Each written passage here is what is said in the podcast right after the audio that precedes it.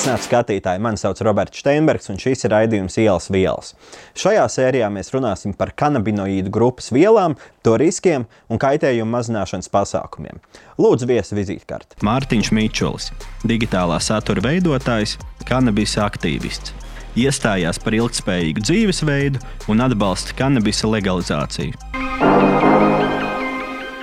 Ja runājam par kanabinoīdiem, tie būtu jānošķir divās grupās - sintētiskie kanabinoīdi un dabiskie kanabinoīdi. Uzreiz jāsaka, ka tie ir pilnīgi atšķirīgi stāsti un atšķirīgi riski. Pie dabiskajiem kanabinoīdiem pieder piemēram kanabis, jeb marihuāna un hašiša. Pie sintētiskajiem kanabinoīdiem pieder spaiss, black mamba, vannas sāļi, pīpējamie vīreki un citas lietas, kas formāli nav paredzētas iekšķīgai lietošanai. Ja dabiskos kanabinoīdus pārdozēt nevar, un sliktākajā gadījumā lietotājs noraus trauksmes lēkmi, paranoju, izjutīs halucinācijas, būs apjutis vai nespēs koncentrēties, tad spaisa un citu sintētisko kanabinoīdu gadījumā tas var beigties ar nāvi. Tomēr nav tā, ka dabiskie kanabinoīdi būtu veselīgi vai bez riska. Galvenie riski ir saistīti ar to, kā viela tiek patērēta. Ja, piemēram, kanabisu patērē iecepot cepumos un apēdot, riski ir ievērojami mazāk nekā tad, ja to smēķē. Tomēr jāpaturprātā, ka eļļas vai cepumu gadījumā reibums iestāsies vēlāk un būs ilglaicīgāks nekā tad, ja viela smēķēs. Bet arī smēķēšanai ir dažādi riski. Kā zināms, smēķēšana var izraisīt mutes, rīkles, plaušu vēzi vai būtiski ietekmēt elpceļu sistēmu.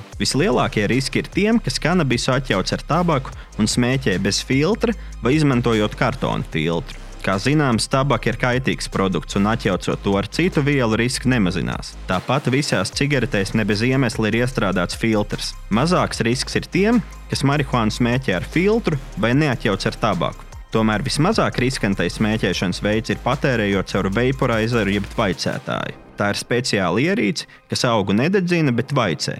Tādā veidā nodrošinot mazāk riskantu lietošanu.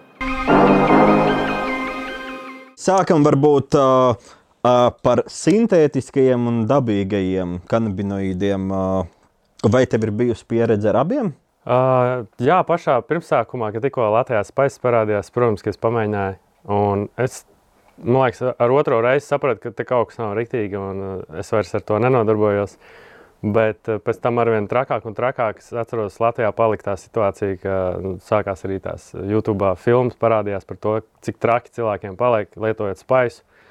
Un, jā, un spaiss arī īstenībā baigi iedragāja visu to marihuānas kultūru. Diezgan daudz gadus mēs esam kā, atpalikuši. Kā, kā kaut kas saistīts ar marihuānu, kaut kāda tēma, nezinu, medijos, vai kur tā vienmēr piesauc to spaisu, un tas man besjārā. Kaut kādā veidā šis uh, rūktā mācība, jo, nu, patiesībā, kas interesanti, es kaut kad pāris gadus atpakaļ uh, biju Lielbritānijā, runāju ar uh, bezpajumtniekiem dažādās uh, pilsētās un prasīju, kas ir uh, sudīgākā viela, ko tu esi ņēmis, nu, kā, ko tu esi lietojis. Vairāk kā 50% viņi nesauc nekādu heroīnu, fentanilu vai ko tādu. Viņi teica, spaiss, spaiss ir visdrausmīgākais, kas ar mani ir bijis. Un, uh, protams, arī mums bija tā problēma diezgan liela un masveidīga.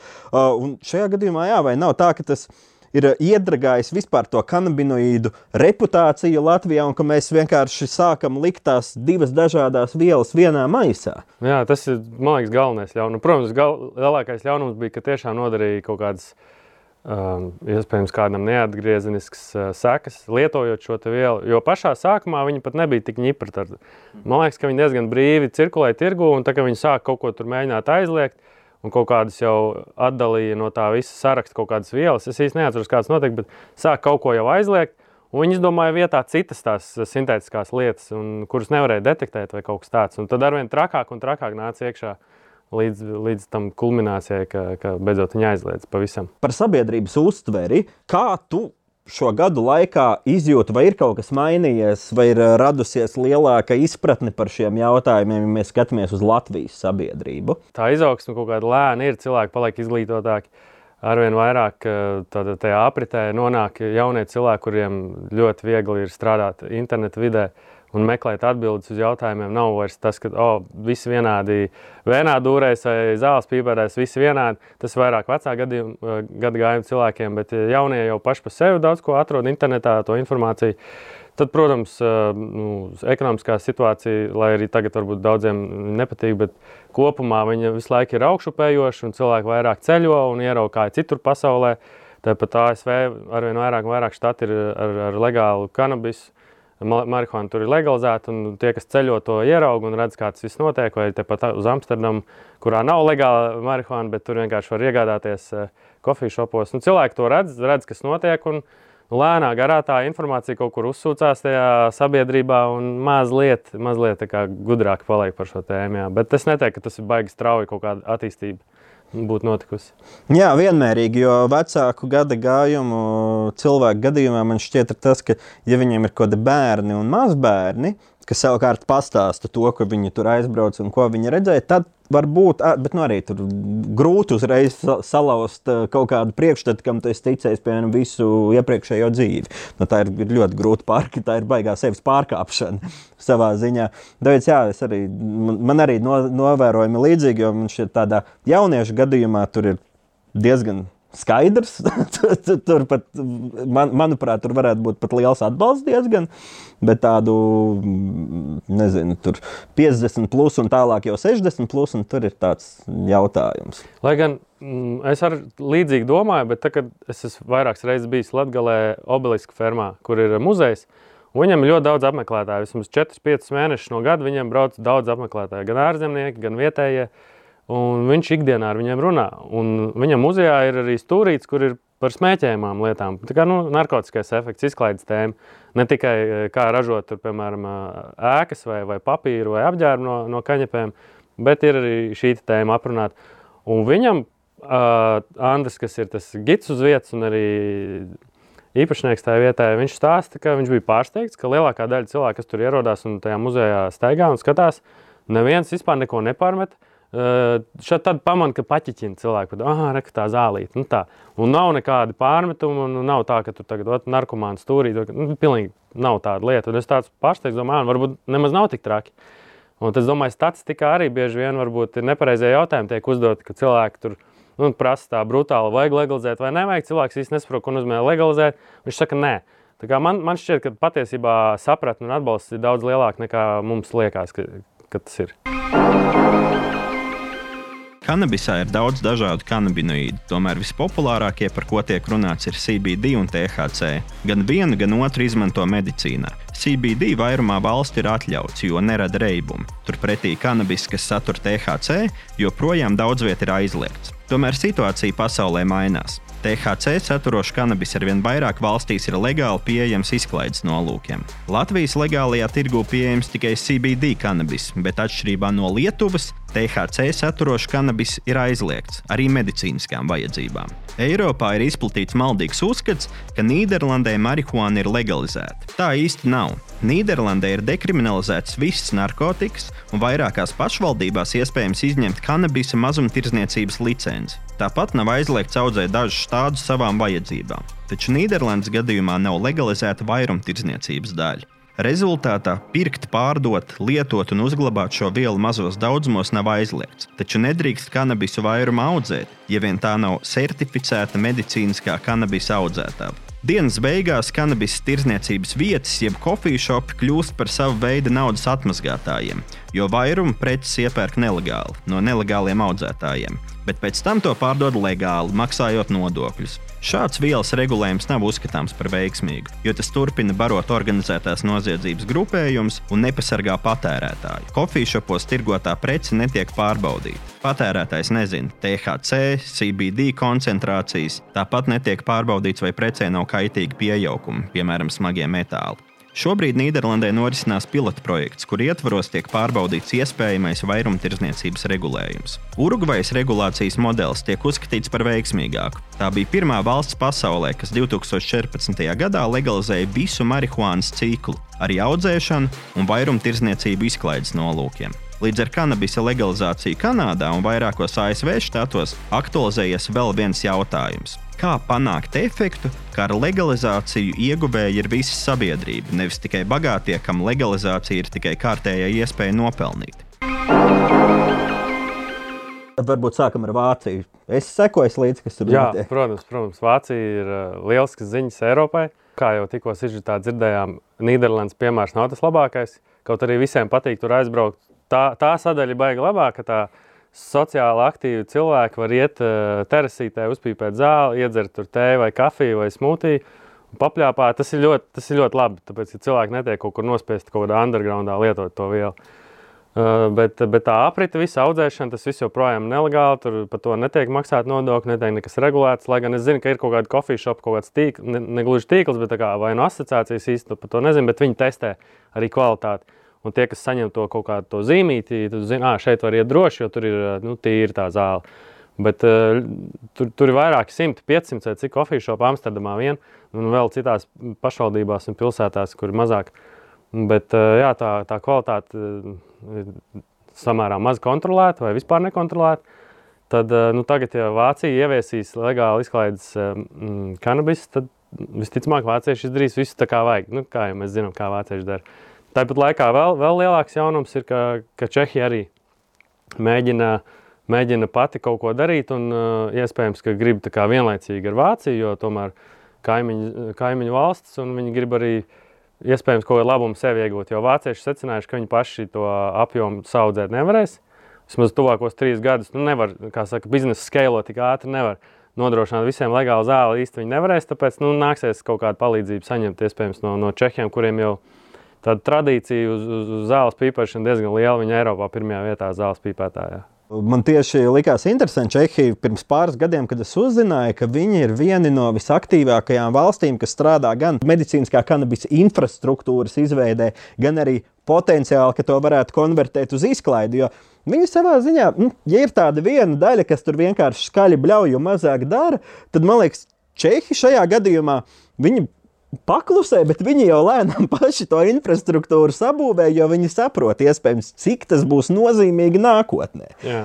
Un, uh, tas, un šajā gadījumā jā, man tieši uzrakstīja gados vecāks cilvēks par to Čehiju, ka o, tur pa Latvijas rādio dzirdēja, ka tur tas notiek. Es, es teicu, ka es nezinu, par ko, uh, nezinu, par kurus konkrētos izžetu tur runā, bet es zinu, ka uh, tur, tur tas tiek attīstīts un ka tur vēl, ir vēlme no tā nopelnīt. Un tajā brīdī man paliek tā nedaudz nezinu, tāda vilšanās sajūta tieši uh, mūsu gadījumā, jo uh, nu, ja mēs esam tādi, kas uh, seko citām Eiropas valstīm nosacīt nopakaļus, un nu, mēs esam daudzos ekonomiskos rādītājos, rādītājos lejas galā. Lielākā daļa. Jā, nu, gala galā nu, tas nozīmē, ka gluži sekojot visiem, mēs nekad nevarēsim būt kaut kur augstāk, tāpēc ka mēs darīsim visu, ko dara citi. Un, lai mums būtu kaut kāda veida izrāviens, mums ir jāizdara kaut kas ātrāk. Un vienīgais, kas mums ir, mums ir valsts priekšrocība. Un tas nozīmē, ka mēs varam teorētiski ātrāk vienoties par kaut kādām lietām, un tad to darīt. Un, un, un, piemēram, man liekas, ka šis ir tas jautājums, ne tikai kanabinoīdi, bet vispār aizliegt to vielu gadījumā. Tas ir tas, kur tādām mazām valstīm kā Latvija, Lietuva, Igaunija ir ļoti milzīgs potenciāls, kas diemžēl netiek uh, īstenots. Jā, nu tāpat arī mazā valsts Malta, kurā nu, mēdījos ļoti izskanēja, ka tur tagad ir legalizēta zāle. Nu, kas gluži īsti ar tā nav. Tur ir legalizēta kaut kāda tā aprite, būs legalizēta. Viņi joprojām tur tikai izstrādes stadijā, tur ir izveidots tas kaņepju office, kuru vada īstenībā diezgan kompetenta persona, tāda sieviete, kur pārzina tieši atkarību jautājumu. Un tāpēc viņi tur centīsies ieviest visu tā, lai baigi labi. Un viņi arī saka, esiet gatavi uz, uz nepārtrauktām pārmaiņām, jo viņi testēs to pirmo, otro gadu, skatīsies, kā viss notiek. Bet, bet man tā ideja līdz galam neapmierina viņiem, ka ir tie kan, kaņepju klubi, bet uz vietas lietot nevarēs. Un es esmu redzējis pētījumus, kur, kur tieši tā lietošana kopā ar draugiem tieši ir tā drošā vide. Nevis, ka tev kaut kur jāiet mājās, vai nezinu, kur kaut kādos uz parkiem kaut kur jāslēpjas. Jo, ja, piemēram, tu ar draugiem netiecies, varbūt tiem retajiem cilvēkiem, kuriem ir problēmas ar marihuānu, viņi varbūt nesatiek tos draugus tik bieži. Jo viņi nu, nesēž tajos klubos vai kā Amsterdamā, kofijas šopos kopā, un neviens nemaz nezina, ka viņam var būt problēma. Tā kā jā, vajadzētu padomāt par to viņiem, gan jau viņi to ieviesīs, domāju, ātri. Bet jā, Malta, nu, Malta kā pasteidzās pa priekšu, uztaisīja to PR baigo, ka viņiem tagad ir legāli, bet nu, joprojām tur tā nav, ka tu vari aizbraukt tagad un baigi pīpēt zāli. Ne, protams, tur jau ir jābūt tam visam, tai visai sistēmai ir jābūt ļoti gudri uztaisītai. Un, kā mēs redzam no, tā, nezinu, no vecajām valstīm, kur tas ir pieejams, nu, viņi nav līdz galam atstrādāti. Patiesībā Te ir baigais stāsts par to, kuri būs tie, kas tā superīgi varēs nofiksēt, nu, vismaz Eiropas kontekstā, jo es pieļauju, ka varbūt mums ir kaut kādas atšķirības ar Ziemeļameriku un Dienvidameriku, un tas ir pilnīgi normāli. Jums ir atšķirības daudzās lietās, nu, kaut kādās sabiedrības paradumos. Kas ir interesanti arī, piemēram, nu, tā, par Maltu, ka minēja, nu, piemēram, Amsterdamā, kas man liekas, ir ļoti pareizi un ļoti forši, ka tajos kofīšopos uh, nedrīkst uh, dzert alkoholu. Tur tu vari nopirkt ūdeni, sulas, nu vienalga. Un tabaka arī nē, jā, tabaka. Un tabaka arī nē. Tās arī ir tās vielas, kas ir uh, ļaunākas vielas nekā, nekā kanabis aktīvās vielas. Nu, tabaka un kas ir nikotīns un alkohols, uh, ir, ir bīstamāks tomēr. Jā, pēc kaitējuma mazināšanas. Tas ir diezgan loģiski, jā, nav noteikti. ko tur jaukt kopā pareizi. Kā tev šķiet par kaitējumu mazināšanas pasākumiem? Labi, eh, ja mēs runājam par tādu dabīgo kanabisu, nu tā nav viela, no kuras būtu jābaidās, ka tu pārdozēsi, bet tomēr uh, visām darbībām, ko mēs darām, ir kaut kādi riski. Uh, tas, kas mani pārsteidz, vismaz piemēram Nīderlandes gadījumā, kur tas ir de desmitiem gadu, nu, ļoti ilgu laiku viņiem ir pieejama jā, katrā jā. ziņā šī legālā iespēja iegādāties. Uh, ka, piemēram, viņi joprojām tur aizraujas ar kartona filtriņiem, ar tādu mazu niansi. Kā. Kāpēc viņi tur nepiedāvā ogles filtrus, piemēram? Man... Uh, nu. Tā ir tāda, es domāju, tradīcija. Nu, tas kāds tomēr ir ļoti tāds, tāds sena tradīcija. Un, un tas kaitējums, jā, es dzirdēju gan to sižetu, gan arī vispār nu, arguments ir it kā, it kā vietā, ka tas kaitējums tieši no tā, ka tu kaut ko nefiltrē un ka tu dedzini to lietu. Bet viņš nav tik ļoti salīdzināms kā smēķējot tabaku. Un tas pirmais būtu labāk atteikties no uh, tabakas maisīšanas kopā ar, ar, ar marihuānu. Tas būtu galvenais solis, ko darīt, jo apkārt, cik es uh, redzu, nu, lielākā daļa joprojām tā arī lieto šo te, nu, marihuānu, jauca tabaku un pīpē kāsī. Tas ir tas pirmais. Un tas arī ir tas, man liekas, lielākais ļaunums tieši, kad izmanto uh, raučus, saucamos kartona filtriņus, kur neko nefiltrē. Uh, Un tad ja puse vai pat varbūt citi liek vairāk tabaku vai citi liek bišķi mazāk, bet nu, no trešdaļas līdz pusē ir tabaka, un tad sanāk bez, pilnīgi bez filtra tiek uh, iesmēķēta šī viela, kurā ir daudz vairāk kancerogēnās vielas nekā, ja tu smēķētu tīru uh, tīr marihuānu. Un kas ir pierādīta kā ļoti bīstama viela galu galā, nu, kas raisa ļoti daudz uh, vēža veidus un tā tālāk. Un tur nu, par tabaku, man liekas, tur nav īsti pat jāpaskaidro. Tas ir viss uzlikts uz papīra ļoti skaidri, neskatoties uz tabakas industrijas lobby. Vēl mazliet, protams, sabiedrībā varbūt ir tāds, ir tā, tā, tā, tā kā pārāk, nu, tajā spektrā ir vieni tie, kas riktīgi aizliedz, Un tad ir viena tie, kas ir rīktīgi par un apmēram saka, ka marihuāna pilnīgi visu ārstē, vēžus, nu, pilnīgi pret visu. Un man liekas, ka patiesība ir kaut kur pa vidu, varbūt nu, ne gluži kā šobrīd, kad ir vai nu tas ir baigs slikti, vai nu tas ir super labi. Kā jāsaprot, ir arī sliktās lietas marihuānai. Nu, ideālā gadījumā nevajadzētu visiem smēķēt ikdienā marihuānu. Tas, tas būtu ideāli. Bet nu, mēs dzīvojam pilsētā, mums ir vispār nu, netīrs gaiss, un tad, tad tagad filtriņiem uztraukties, domāju, nav īsti, īstais brīdis. Mums varbūt vajadzētu Rīgā gaisu uzlabot un, un, un beigt likt tabaku iekšā kāšos. Tas jau būtu ļoti liels solis priekš. Un tad varbūt pēc gadiem 10, 20 skatīsimies, varbūt vajag uh, iemācīt cilvēkiem veipu izmantot labāk vai kaut kā tā. Jo, jo tā arī, starp citu, efektīvāka uzņemšana. Es vēl vakar biju lekcijā vienā, kur. Uh, par vaporizeru. Uh, jā, tieši par vaporizeriem. Tad tu vairāk dabūji ārā un vairāk uzņem arī nu, plaušas, var vairāk uzņemt no tā tvaika nekā no tā karstā dūma. Un arī lietojot kāsī, sadeg tā viela, ko tev vispār vajag. Pats, pats THC arī tiek sabojāts, un viņš sadeg, un tu viņu beigās nedabū. Tā, tā efektivitāte ir mazliet zemāka kāsim nekā vaporizeram. Es mēģināju vaporizeru. Jā, jā. Nu, viņš vienkārši. Uh, nu, lielāks čakars, man liekas, ir. Tur kaut kas jātīra, tas aparāts, tur baterija jālādē un kaut kas tur. Nu, Nu, vienkārši nu, nav iegājies kaut kā, un uh, tā ir tāda kultūra, kaut kāda klasiska. Es arī neesmu vispār tāds baigais, tur vai nu konkrēti bongu mīļotājs, vai kāšu mīļotājs, vai vaporizeru mīļotājs. Es tāds vairāk tās, tās idejas, uh, nu, kā tādas, nezinu, kultūra man interesē. Man, piemēram, tā pieredze ar vaporizeru, tas bija. Tas bija Nīderlandē, kur ir dekriminalizēts, un neviena krimināla likuma Latvijā nespārkāps. Tas efekts uh, sākās vēlāk, Respektīvi, kamēr es gaidīju to efektu, es pavilku vēl, un tad, es, tad kad man iekikoja, sapratu, oi, Bišķi pa daudz. Kā, nu, tas ir tas, ko, kas arī būtu jāņem vērā, ja Jā. izmanto. Bet, bet tas jebkuram lietošanas veidam ir kaut kāda sava specifika, un tieši tāpēc ir ļoti svarīgi izglītoties par to, ko tu dari un uh, kādi ir papildus riski vai papildus apstākļi. Jā, man tieši tāda pati pieredze bija pirmā, kad es uh, biju Amerikā pie drauga. Viņš bija tikko nopircis tādu vul, saucamais vulkāns, viņš kaut ko 500 dolāru maksāja.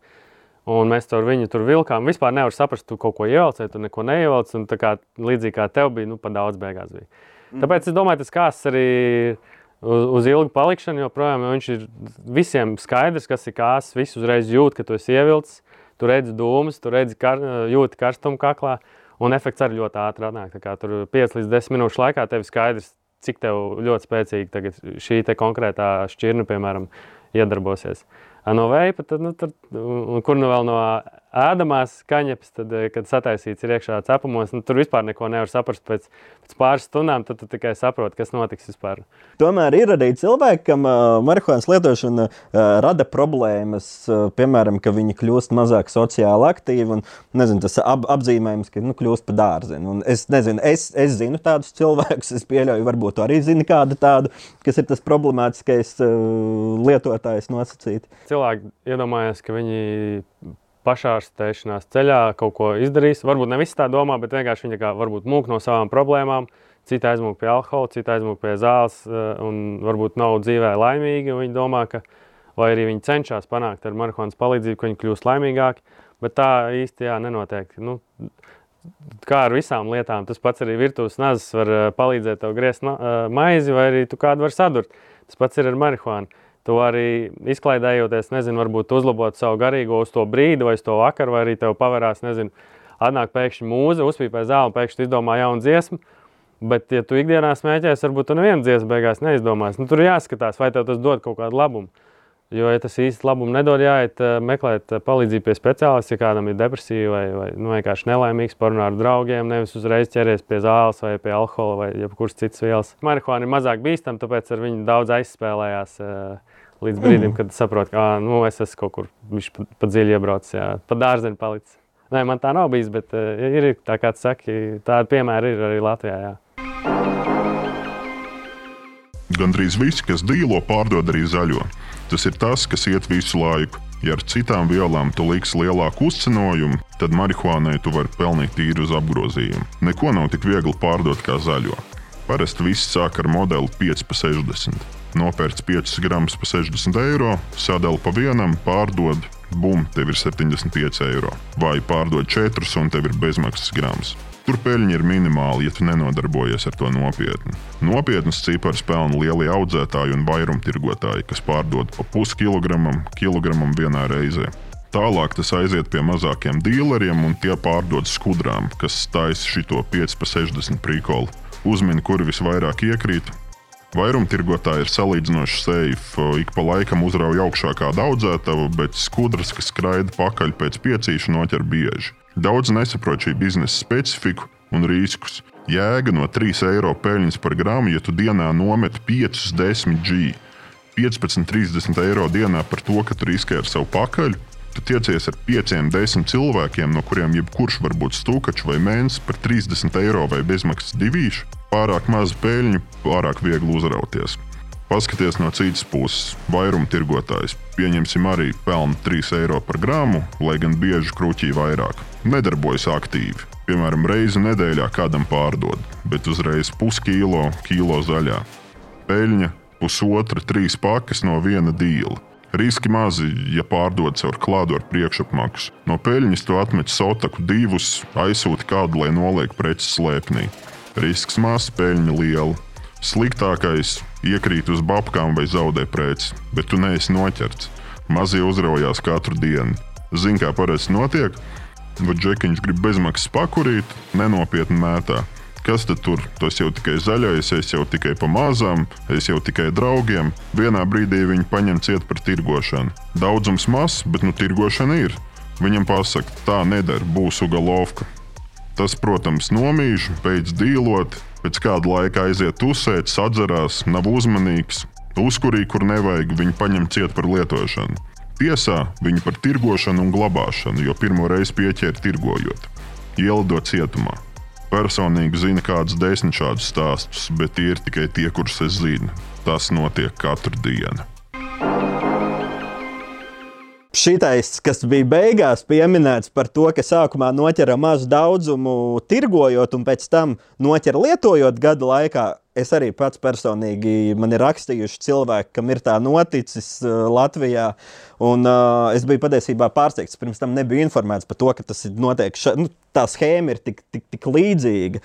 Un tad mēs redzam to nu, nelegālās puses, nu, kā apkarošanas. Uh, ēnas pusi, tāpēc ka nu, mēs redzam, ka noķer jau tos, kas ir patiesībā ekonomiski un sociāli vismazāk aizsargāti. Ja? O, jā.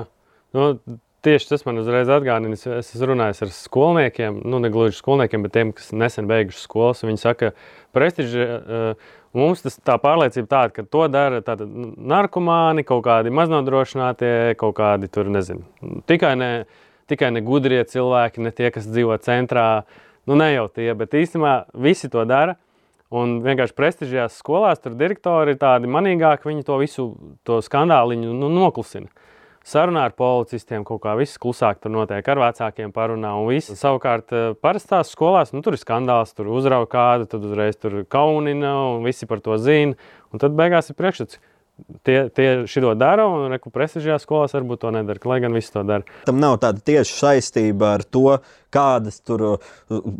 Lai arī kā man nepatīk tas apzīmējums, bet sociālā slāņa tas cilvēks būtu kāds, kādi ir viņa draugi, kas ir viņa uh, ienākumu līmenis viņam vai vecākiem. Tam nav atšķirība. To, Tur nav būtiskas atšķirības no tā, no, no, no, no šiem faktoriem, cik daudz to dara. Tā atšķirība ir tā, ka noķer parasti tos, kur ir sociāli neaizsargātāki un nabadzīgāki. Un tas savukārt veicina manā skatījumā vēl lielāku sabiedrības nevienlīdzību. Jā. Jo jau sākotnēji šim cilvēkam iespējams ir kaut kāds tas starts bijis nu, sliktākās pozīcijās dzīvē, un plus viņa tagad bum, viņam vēl kriminālais pants, un viņam principā tālāk dzīvē rodas vēl problēmas. Jā, viņš, piemēram, nevar atļauties, ģimene nevar atļauties ko normālu juristu, kas viņu īstenībā visticamāk varētu dabūt arī ārā, nu, viņam nebūtu jāiet cietumā. Un man arī tādi pāris zināmi stāsti, ka, ka ne, nevarēja atļauties juristu. Un otra iesaista, iesaistītā puse, kas tur arī bija, atļāvās juristu, un, un tajā tiesā viss uztaisīja tā, ka lielākais tas uh, svars bija jāpaceļ tam nabadzīgam, ja, kuram nebija juristi. Un beigās to lietu gan arī uzbīdīja viņu, uz viņa pleciem. Kaut arī viss bija otrādi. Viņš bija kā kaut kāds pircējs tikai, un dīl, dīlotājs bija cits. Un tur tādas schēmas var sataisīt gudri juristi, ka jā, tam, kam nauda, tas maksā, un tas arī var, nu, diezgan bieži arī tiek uh, brīvībā. Ir pat zināms stāsti, ka uh, nu, jau, laikam, es nezinu, izbijis politiķis, bet viena noķēra virs pieciem gramiem. Viņam, bija, viņam pat nebija uh, pat nosacīts sodu, nebija. Viņam bija kaut kāds brīdinājums, kur mistika. To var atrast mēdījos, ārpus kaimiņš. Viņam tā gadījās, ka bija vairāk kā 5 gramu. Nu, viņam bija labi juristi, un es nezinu, kā to varēja izbīdīt. Lai gan īsti neizklausās pēc likuma, bet kaut kā tas notika, ka viņam nav, nav pat nosacīts sots. Vēl parunājot par tādiem jauniešiem, un šo, nu, kas, kas ir vēl viens tāds blakus efekts šai kriminalizācijai, ka nu, pietiekami daudzi jaunieši izvēlas to pamēģināt, vai, vai darīt regulāri vai neregulāri. Bet, ja mums nav šis te, uh, tirgus, uh, legālais, Vienīgais, kur viņi to var darīt, ir pie nelegālās, nelegālajā pasaulē, sauksim to tā. Ļoti labi, ja tas cilvēks, ar ko viņi nodibina kontaktus, pārdod piemēram tikai zāli. Problēmas rodas tajā brīdī, kad tas, tas, tam dealerim ir pieejams viss tā saucamais starptautiskais ABC, jo tas savukārt palielina riskus, ka uh, cilvēks pamēģinās kaut ko citu, un kas iespējams ir krietni bīstamāks, bez attiecīgās savas uh, informētības, vai kā lai to nosauc. Jā, kā Sižicā, tas dīlers tā arī teica, ka no zāles jau baigā peļņa nav, bet tā zāle rada to tirgu, un tad beigās jau arī atlicis klienti, kas nopērk kaut kādu gaņo kokaīnu un ripas un kaut ko tādu. Jā. Noteikti, tā ir. Es pats tā neesmu saskāries, nav mēģinājis neviens man ievilināt kaut kur, hei, nopērc vēl kaut ko, jo es, jo es nu, neapmeklēju tādas uh, vietas vai dīlers parasti. Jā. Tāpēc es esmu kaut kā nu, izvairies no tādām schēmām, bet eh, jā, tas notiek. Es esmu dzirdējis, ka tā notiek. Jā. Es biju pagājušajā gadā, vai pirms diviem gadiem, tieši runāt uh, Amsterdamā ar uh, kaitējumu mazināšanas speciālistiem par to. Šis bija narkotiku testēšanas laboratorijā, kur man stāstīja, ka patiesībā kā, kāpēc uh, Nīderlandē ir tāds regulējums, ka tas ir nosacīts, tu vari no, iegādāties bez riskiem tikt sodītam, ir tas, ka viņiem pirms kaut kādos 70. ja nemaldos, bija baigi lielā heroīna problēma, un tad viņi tieši gribēja atdalīt to tirgu, lai cilvēki, kas grib tikai zāli, lai viņiem nav jāiet pie cilvēka, kas tirgo zāli un tirgo heroīnu pie reizes. Jā, un, kā mēs redzam, tas nostrādā, jo viņu gadījumā šobrīd uh, opioīdi ir praktiski nēsoša problēma. Sliktākais, ko viņi dara, ir ekstazija, kas ir viena no mazāk kaitīgajām vielām. Ja salīdzina ar citām valstīm, kur ir nu, tajā pat laikā Latvija, Igaunija, ja, kur tas ir kriminalizēts, mums ir ļoti liels opioīdu problēmas. Jā, es nesaprotu, kāpēc Latvijā nevar vienkārši nevar gluži nošpakot, bet paskatīties citu valstu pieredzi un to ieviest. Un es kāpēc mums vajag obligāti kaut ko gaidīt, kaut kādus pētījumus, mistiskas personas, kuras veiks to. Es nezinu, kurš to darīs. Un visi gaida uz kaut kādiem vietējiem pētījumiem, lai beidzot sāktu rīkoties. Lai gan es uzskatu, ka nevajag neko gaidīt, vienkārši jārīkojas, jāpaņem labākie piemēri. Un, Un jādara tās lietas. Viss baidās, man liekas, politiķi baidās, jo viņi it kā noraksta tauta. Un tā ir tā problēma, ka daudzos gadījumos, un tas nav tikai liekas, kaut kādā vielu gadījumā, bet mums vispār tie politiķi ir tādi, kas vienkārši atstrādā to, ko rāda socioloģiskās aptaujas, nevis uh, sāk domāt par to, kā es varu uzlabot kaut kādu dzīves līmeni. Jo arī, nu, piemēram, šis ir viens no tiem jautājumiem, kur, kur būtu kaut kādi papildus ienākumi, un uh, kas noteikti noderētu nabadzīgai valstī. Protams, kaut tā vienkārši. Respekts pret likumu, piemēram, šobrīd tas respekts vispār nekāds nav. No kāda jēga no tā likuma, ja nav nekāda respekta, ka reku bagātie ar jūras palīdzību tiek no tā vaļā, nabadzīgāk tiek iesēdināti vēl liela daļa, kuras neuzrauja, vienkārši to dara un, un zini, vispār to likumu neņem vērā, tad eh, nu, man liekas, stulbi, ka ir kaut kāds likums, kurš nestrādā. Tad, eh, ja mēs tā godīgi gribētu paņemt, uztaisīt tagad tas iekal tests visai Rīgai, mēs varētu salikt pilns cietums ar eh, pie stūra sēdošiem, kas ir vakardien varbūt uzpīpējuši. Nu, ja mēs tā nopietni gribētu tai problēmai ķerties klāt. Mēs to varētu izdarīt. Nu, kas, kāds labums no tā būtu? Tas pats arī speciālists trūkums, tas arī ir jūtams kā tāpat tā Stirnas kundze savu to, savu to agendu pušo. Es nezinu, kā to pateikt pareizi, bet nu, jā, viņi vienu to pašu saka. Kā es citiem saku, ka, ko tu vari gaidīt, nu, piemēram, ja tu ja tev ir kaut kāda problēma ar, ar veselību, tu taču neej pie, pie, pie morga darbinieka runāt. Jo viņš jau, tas morga darbinieks redz tikai sliktāko. Nu, piemēram, cilvēki mirst, un viņš to nosauks, no kā viņi visi nomiruši. Un kāpēc, kāpēc te var vispār runāt? Tāpat ir narkologs. Pie narkologa nonāk tie nu, vistrakākie gadījumi, nu, kur, kur jāpalīdz speciālistam. Protams, ka viņai, viņas pasaulē vis, visi lietotāji ir šausmīgi sliktā stāvoklī.